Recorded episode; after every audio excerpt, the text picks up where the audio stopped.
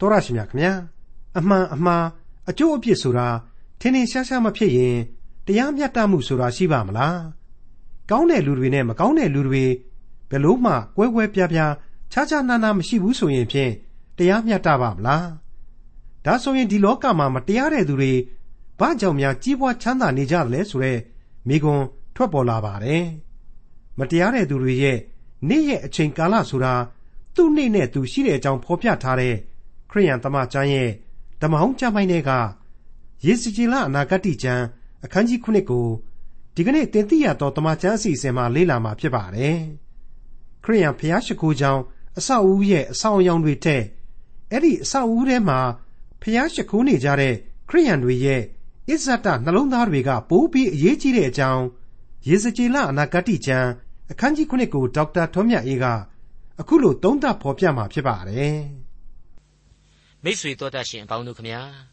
အခုငါပြောနေတဲ့အနာဂတ်တွေဟာငါဒီဟုသောရေစကြည်လဆိုတဲ့လူတစ်ယောက်ပြောနေခြင်းမဟုတ်တရေအနှုတ်မှာကြောင်ကရန်းထပြီးတော့ကြီးညာချက်တွေထုတ်နေတာမဟုတ်ငါစိတ်ကူးစိတ်ဖမ်းများနဲ့လေဘာမှမဆိုင်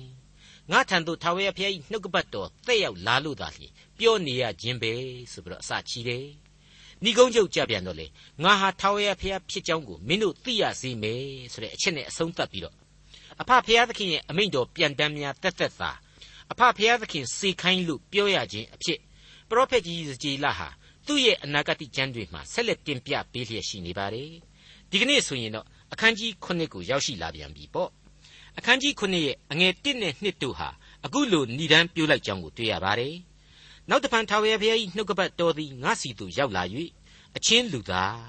အရှင်ထာဝရဘုရားသည်ဣသရေလပြည်သားတို့ကိုရည်မှတ်၍မိန့်တော်မူသည်ကား ပြည်လေးတောင်တို့သည်ဆုံးခြင်းသို့ရောက်ကြ၏မိတ်ဆွေအပေါင်းတို့ရေစကြည်လာရေမင်းရဲ့အမိမြေကြီးဣသရေလတောင်တန်းကြီးတွေရှိရာအနောက်အရက်စီကိုမင်းမျှော်ကြည့်လိုက်ဆန်းဟေပြီးတော့မှအဲ့ဒီတောင်တန်းကြီးတွေပတ်ချလဲဝိုင်းနေတဲ့တိုင်းပြည်ကြီးအတွက်ပရောဖက်ပြုပြီးတော့ငါနှုတ်ကပတ်တော်ကိုရွတ်စေတည်းဆိုတဲ့အမိန့်တော်နဲ့ပြီးခဲ့တဲ့အခန်းကြီး6မှာရေစကြည်လတယောက်ဘုရားသခင်ရဲ့အမိန့်တော်အတိုင်းဘုရားသခင်အခွင့်အာဏာနဲ့အမိန့်တော်ကိုထုတ်ပြန် အနာဂတ်တွေကိုဟောကြားခဲ့ရတယ်ဆိုတာကိုမိษွေတို့သိခဲ့ကြပြီဖြစ်ပါတယ်သူချစ်တဲ့မိခင်တိုင်းပြည်သူ့ဖခင်ရဲ့တိုင်းပြည်သူ့ဇာတိချက်ကြွေဘိုးဘေးအပေါင်းတို့ရဲ့မွေးရမြေအတွက်သူဟာအဲ့ဒီအချိန်မှာမျက်ရည်မကျအောင်မနဲ့အန်ကျိတ်ပြီးတော့ဒီဗျာဒိတ်တော်တွေကိုရွတ်ဆိုခဲ့ရမှာပဲအသက်ကြီးလို့အိုသေးကန်ဒီမောရှိတယောက်ကိုတကယ်ချက်ကောင်းခါနန်ဆိုတဲ့ကျွံဘဝကလွတ်ရကျေးဇူးတော်မြေစီကိုဝင်ကန်ဒီအချိန်ကြမှာမင်းခါနန်ကိုမဝင်ရဘူးမောရှိရေ ဒါပေမဲ့မင်းအဲ့ဒီအရက်ဒေသကိုတော့မျက်စိနဲ့တော့မင်းကိုကြည့်မြင်ခွင့်ပေးမယ်ပွာနေဘောတောင်တန်းကပြီးတခါတောင်ထိပ်ကိုတက်ပြီးတော့ကြည့်လိုက်ဆန်းဆိုတဲ့အချိန်မှာမြင်သာမြင်ပြီးတော့မကျင်ရတဲ့ခါနန်ကိုမောရှိတယောက်ဟာတောင်ဝေးကြီးတစ်ချောင်းနဲ့တက်ပြီးတော့ကြည့်ခဲ့ရရှာတယ်အဲ့ဒီခံစားချက်မျိုးနဲ့အခုရေစကြည်လာလေကိုတိုင်းကြီးကိုကိုပြန်ပြီးတော့ကျိန်ဆိုရအနာဂတ်တွေကိုကိုမြေကိုကိုပြန်ပြီးတော့ကျင်ရတဲ့အနာဂတ်တွေကိုပြုနေရလေခြင်းပဲလားဆိုတာကိုတွေးမိကျင်စရာပါပဲ မိတ်ဆွေအပေါင်းတို့ယေရမိတုန်းကလည်းဒီအတိုင်းပါပဲနော်ဘုရားသခင်ကဒါဆိုရင်သူခမညာဟိုဟာပါခမညာဆိုတာမျိုးမလုပ်ခဲ့ရရှာဘူးဘုရားသခင်ခိုင်းရင်ခိုင်းတဲ့အတိုင်းပဲကန္တကောစလုံးဝမလုပ်ဝင်ရှာပါဘူးလောကကဘာကြီးမှာကိုဝါသနာပါတာကိုပျော်မွေ့တာကိုနှစ်ချိုက်တာတွေကိုသာလူသားဟာလှုပ်ချင်တာဟာသဘာဝပဲဒါပေမဲ့ဘုရားသခင်နဲ့ပတ်သက်လာရင်တော့အဲ့ဒီလိုကိုယ်အကြိုက်ဆိုတာတွေကိုမျက်စိစုံမိတ်ပြီးတော့မေ့ပြောက်ထားရတာတွေအများကြီးရှိနေပါတယ် ကိုကိုလူဖြစ်စေတဲ့ဂျေဇုလူဘဝမှာအသက်ဝိညာဉ်တဲ့လူအဆင့်မှာပြီးပြီးပြင်းပြင်းကျွေးမွေးပြုပြင်သေသေးချာတုတ်တင်ပြီးတော့အသက်သွင်းပေးတဲ့အဖဖရာသခင်မှုလို့သူ့အမိန့်တော်ကိုနာခံရယူထုံးစံရှိနေတာကိုဓမ္မသမိုင်းဟာရှင်းလင်းစွာသွန်သင်ပေးနေပါတယ်ယေဇကျေလနဂတိကျမ်းအခန်းကြီး9အငယ်3နဲ့4ကိုဆက်ကြပါစို့သင်သည်ဆုံးခြင်းသို့ရောက်၍သင်အပေါ်သို့ငါ၏အမျက်ကိုငါလွှတ်လိုက်မည်သင်၏အကျင့်နှင့်အလျောက်ငါစီရင်မည် သင်ပြုမိသမျှသောယွန်ရှာပွဲအမှုတို့၏အကျိုးအပြစ်ကိုဆက်ပေးမည်ငါသည်နှမျောစုံမဲ့ခြင်းမရှိဘဲသင်အကျင့်တို့၏အကျိုးအပြစ်ကိုဆက်ပေးမည်သင်ပြုမိသောယွန်ရှာပွဲအမှုတို့သည်သင်၏အလယ်၌တည်ကြလိမ့်မည်ငါသည်ထာဝရဘုရားဖြစ်ကြောင်းကိုသင်သိရလိမ့်မည်မိษွေတော်တတ်ရှင်အပေါင်းတို့ခမညာစိုက်သည့်အတိုင်းရိပ်ရလိမ့်မည်ဆိုတဲ့တစ္ဆာတရားပေါ်လွင်နေပါတယ်ဘသူမပြုတ်မိမိမှုဆိုတဲ့တရားသဘောကိုလည်းတွေ့ရစေပါတယ် အခုချိန်မှဆိုရင်ယွန်ရှာပွဲသောအမှုတို့၏အကျိုးအပြည့်ဆရာဟာပေးဆက်ရခြင်းရဲ့အခြေခံတရားအဖြစ်ဣသရေလလူမျိုးတို့ရဲ့အလေပဟိုတဲ့တဲ့မှာရှိနေပါတယ်။ဒါကြောင့်လဲကျမ်းစာဖော်ပြချက်မှာပင်ဖြင့်ဒီအကြောင်းကိုပြက်ပြက်သားသားဖော်ပြပေးရခြင်းဖြစ်ပါတယ်။သင်ပြုမိသောယွန်ရှာပွဲအမှုတို့သည်သင်ဤအလယ်၌တည်ကြလိမ့်မည်တဲ့ဒီအပိုင်းမှာကျွန်တော်ဟာကဘာမြေကြီးကိုရေလွှမ်းမိုးပြီးတော့ဖျက်ဆီးခဲ့တဲ့အတိတ်ကာလကျမ်းစာဖော်ပြချက်တွေကိုသွားပြီးတော့သတိရမိပါတယ် အဲ့ဒီအချိန်ကာလမှာဣသရီလဆိုတဲ့လူမျိုးတော်ရဲလို့မရှိသေးပါဘူးလူသတ္တဝါဆိုတဲ့တခုတည်းသောလူသားအဖြစ်သာလျှင်ရှိပါသေးတယ်ကပမိသားစုတစုရဲ့အဆင့်မှာပဲရှိသေးတယ်လို့ကျွန်တော်ဆိုချင်ပါတယ်ကပဦးကျမ်းအခန်းကြီး6အငယ်1မှ4ကိုပြန်ပြီးတော့ကြည့်ကြပါမြေကြီးမျက်နှာပေါ်မှာလူတို့သည်များပြား၍သမီးများကိုလည်းရကြသောအခါဖျားသခင်၏သားတို့သည်လူသမီးတို့လှကြောင်းကိုမြင်၍ကိုယ်စိတ်ရှိသည့်အတိုင်းဆုံးဖြတ်ကြ၏ထာဝရဘုရားကလည်း ငါဝိညာဉ်သည်လူတို့တွင် အစဉ်မဆုံးရအကြောင်းမူကားလူတို့သည် အသားဖြစ်ကြ၏သူ၏အသက်တန်းသည်လည်းအနှစ်120ဖြစ်စေဟုမိန့်တော်မူ၏ထိုကာလ၌မြေကြီးပေါ်မှကိုကြီးမားသောသူအချို့ရှိကြ၏ထိုနောက်၌လည်းဘုရားသခင်၏သားတို့သည် လူသမီးတို့နှင့်ဆက်ဆံ၍ရသောသားတို့သည် အာကြီးသောသူရှေးကာလမှစ၍ကြော်စောသောသူဖြစ်ကြ၏ကြားတဲ့အတိုင်းပါပဲနော်ဘုရားသခင်ဤသားများတဲ့ အမှန်ကတော့သားသမီးများအားလုံးကိုဆိုလိုခြင်းဖြစ်ပါတယ်ယောက်ျားကလေးမိန်းမကလေးအားလုံးကိုပေါင်းပြီးတော့သားများလို့ခေါ်ခြင်းပါအဲ့ဒီဘုရားသခင်သားသမီးတွေဟာစာရန်အကျင့်စရိုက်ကြီးနဲ့နှွေရှက်ကြတယ်ဖောက်ပြန်ကြတယ်ဆိုတာကိုကြတော့လူသမီးတို့လှကြောင်းကိုမြင်၍ကိုယ်စိတ်တိုင်းကြစုံဖက်ကြတယ်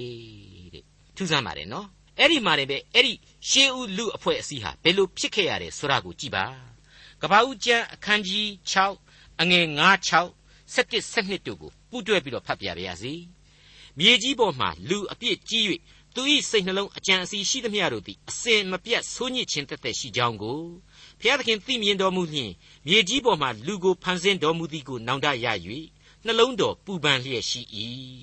ထိုအခါမြေကြီးသည်ဘုရားသခင်ရှေ့မှပုတ်ဆက်လျက်ရှိ၏မြေကြီးသည်အတ္တမအမှုနှင့်ပြည့်စုံလေ၏ဖျားသခင်သည်မြေကြီးကိုကြည့်ရှုသောအခါပုတ်ဆက်လျက်ရှိသည်ကိုမြင်တော်မူ၏အကြောင်းမူကား မြေကြီးပေါ်မှလူအပေါင်းတို့သည် ဖောက်ပြန်ခြင်းသို့ရောက်ကြပြီမိษွေသောတတ်ရှင်အပေါင်းတို့ခမညာဒီအချက်တွေဟာကဘာဦးမှာပင်လျင်တွေ့မြင်ခဲ့ရတဲ့အပြစ်သားတို့ရဲ့မြင်ကွင်းပဲဖြစ်ပါတယ်အဖြစ်တစ်နှစ်ပဲဖြစ်ပါတယ်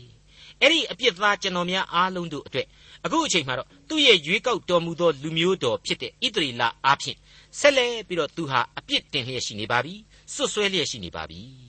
ဒီအပြစ်တင်သံတို့ဟာအဲ့ဒီအတိတ်သမိုင်းတွေမှာပဲပြီးခဲ့ပါပြီလားရက်တန့်သွားခဲ့ပါပြီလားမရက်တန့်သေးပါဘူးနော်အစဉ်တစိုက်ရှင်သန်နေသေးပဲလို့ကျွန်တော်တို့ခံယူနိုင်ပါတယ်ကြောက်မဲ့ဖွယ်စီရင်ခြင်းဆိုတာဟာရှိမြဲရှိနေပါတယ်တစ်ချိန်တည်းမှာသူ့ကိုယုံကြည်ပါဆုတောင်းပါကိုးကွယ်ဝတ်ပြုပါသူ့ကိုမပုန်ကန်မတော်လှန်ကြပါနဲ့သူကဲတင်ပါမယ်ဆိုတဲ့ဂရိတော်ဟာလေအစင်စိုက်ဒွန်တွဲတည်မြဲနေစေဖြစ်ကြောင်းကိုကျွန်တော်နားလည်ဖို့အထူးပဲအရေးကြီးလှပါတယ်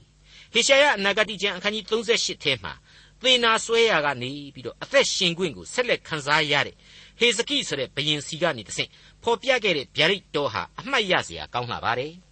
ဟေဇကိအဲ့ဒီအချိန်မှာကျေးဇူးတော်ကိုချီးမွမ်းရင်းနဲ့ကြွေးကြော်ခဲ့တဲ့အဖန်ဟာအနှစ်ချုပ်အဖြစ်အခုလိုဖြစ်ပါတယ်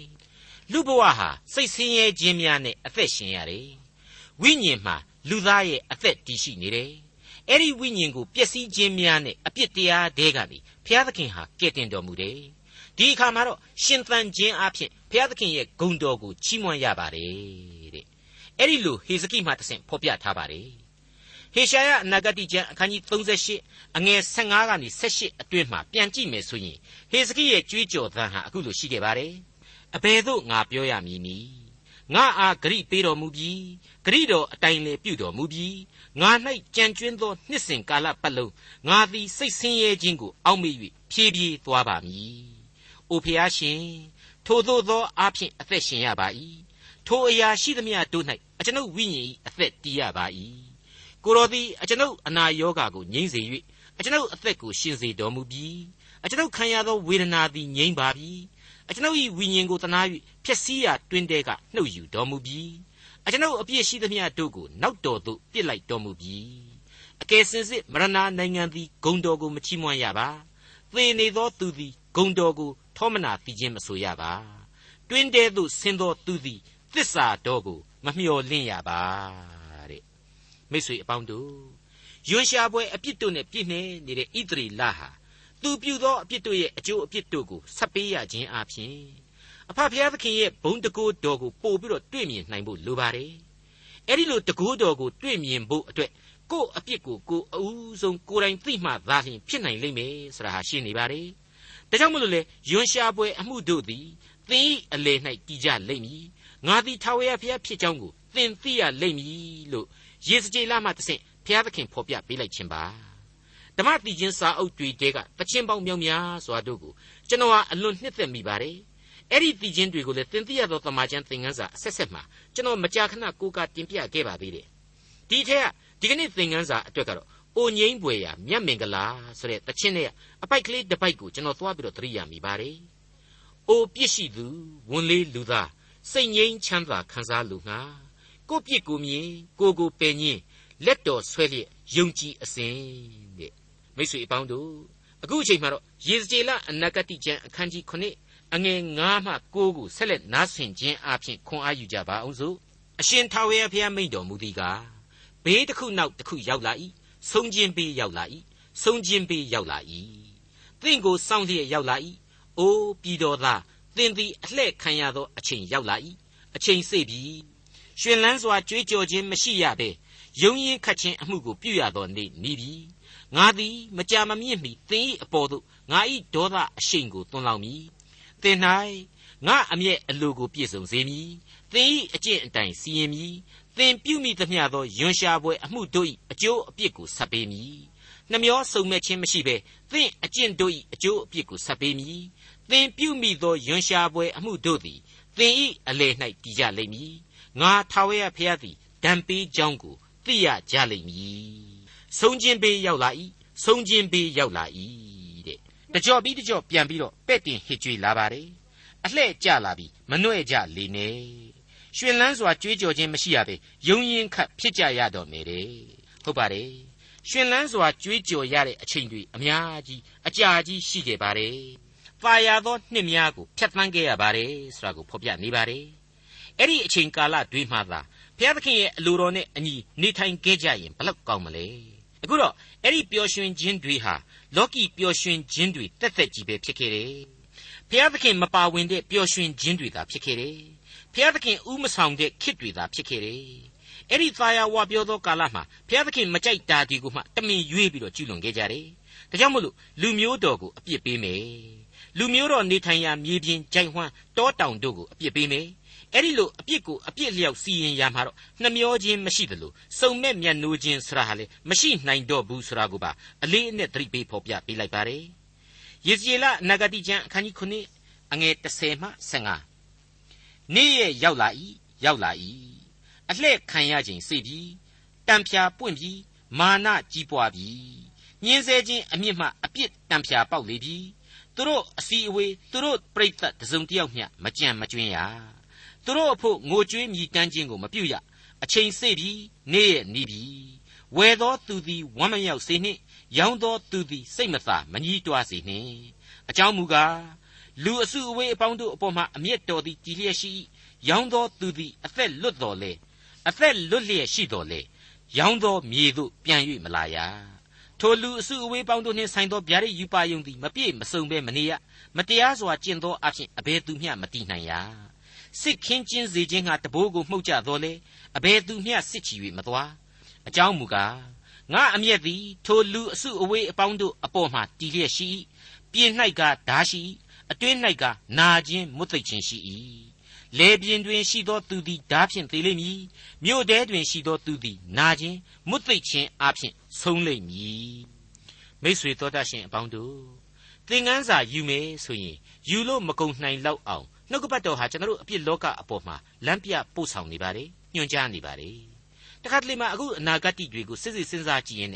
ဓမ္မဟောင်းကျမ်းကဗျာဒိတ်တော်တွေဟာသိပြီးတော့ကျွန်တော်တို့လူသားအပေါ်မှာချင်းချောက်တယ်လို့များအမြင်ရှိနေမှာလားလူသားတို့အနေနဲ့အဲ့ဒီလိုကပ်ဖို့ကပ်ဖက်များတွေးမိကြမှာလားအဲ့ဒီလိုများတွေးတော့ရင်တော့မှားလိမ့်မယ်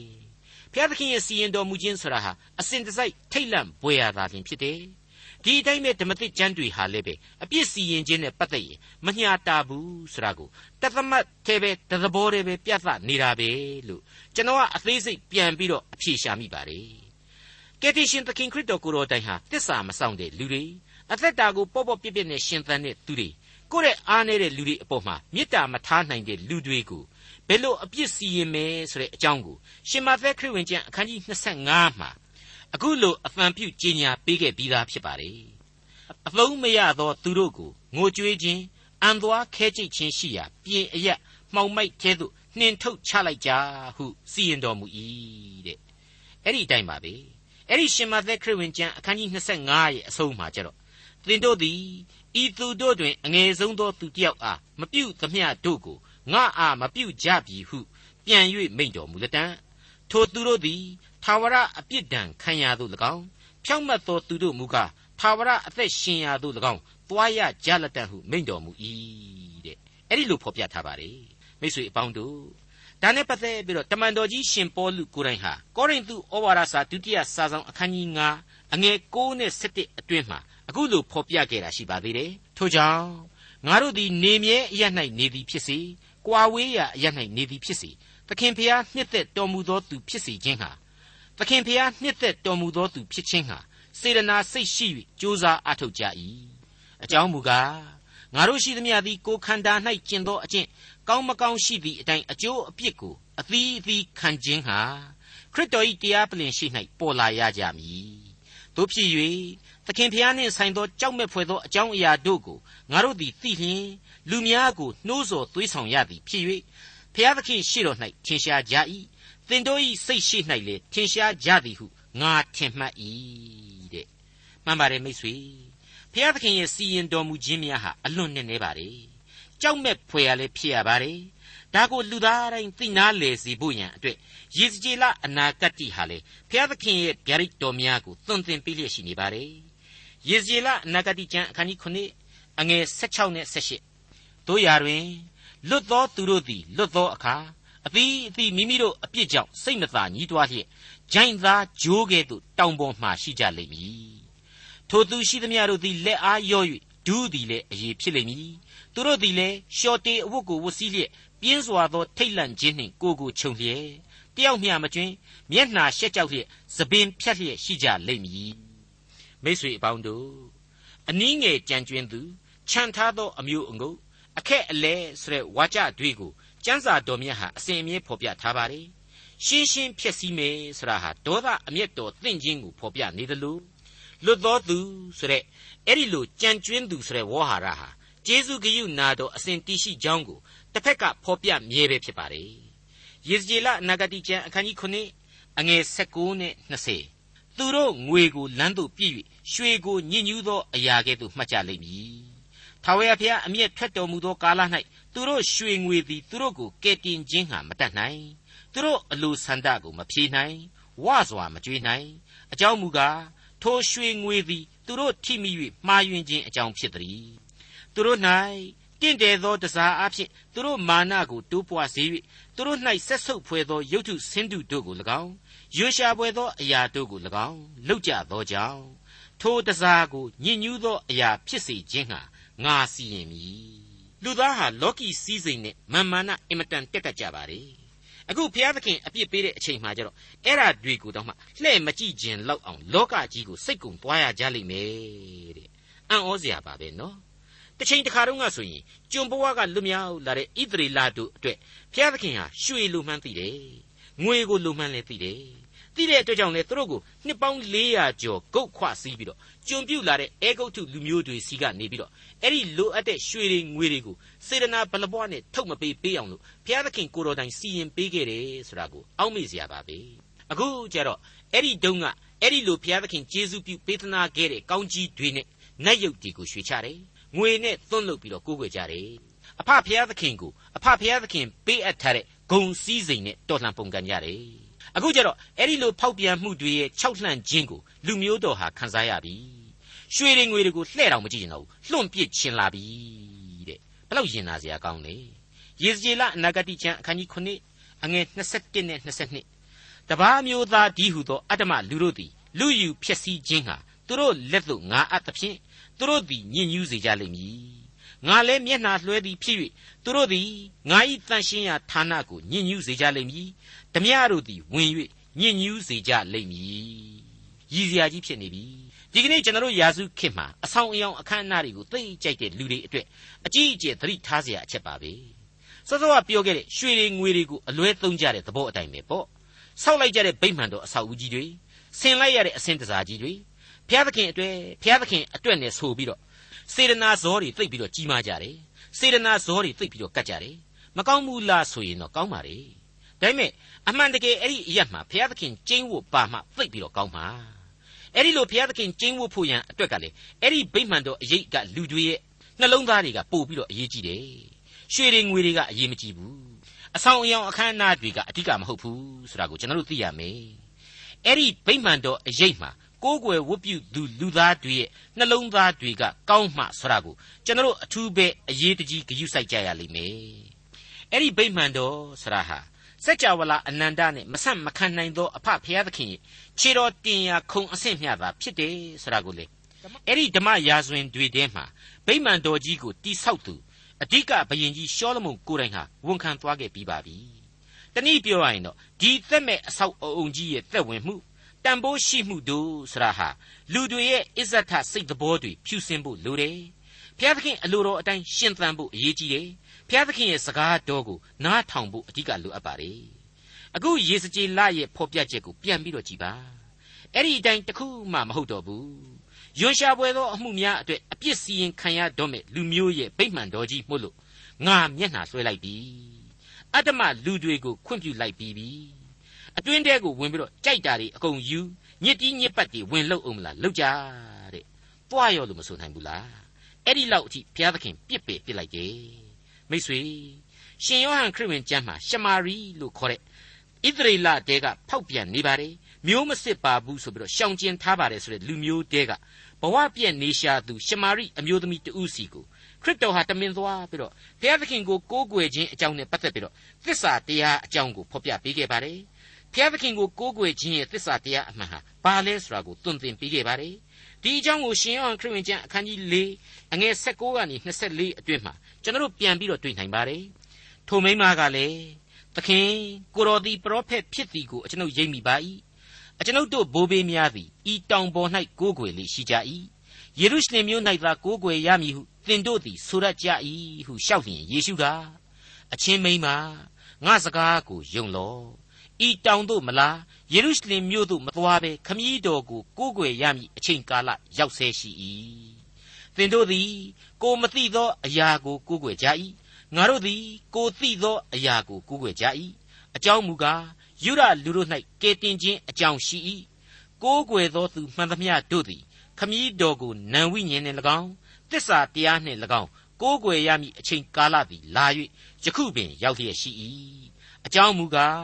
ထိုသို့ကိုးကွယ်သောသူတို့ကိုခမည်းတော်သည်အလိုရှိတော်မူ၏ဘုရားသခင်သည်နံဝိညာဉ်ဖြစ်တော်မူ၏ဘုရားသခင်ကိုကိုးကွယ်သောသူတို့သည်နံဝိညာဉ်နှင့်၎င်းသစ္စာနှင့်၎င်းကိုးကွယ်ရမည်ဟုမိန့်တော်မူ၏မှန်ပါတယ်မိတ်ဆွေအပေါင်းတို့ယေစကြည်လအနာဂတိစကားတွေဟာရုပ်ဝါဒကြီးအကြီးအကျယ်ထွန်းကားတိုးတက်ပြီးတော့အဲ့ဒီရုပ်ဝါဒကိုအားပြုနေတဲ့ကျွန်တော်မျက်မှောက်ကာလအတွက်ပြင်းထန်စွာသတိပေးလျက်ရှိနေပါတယ်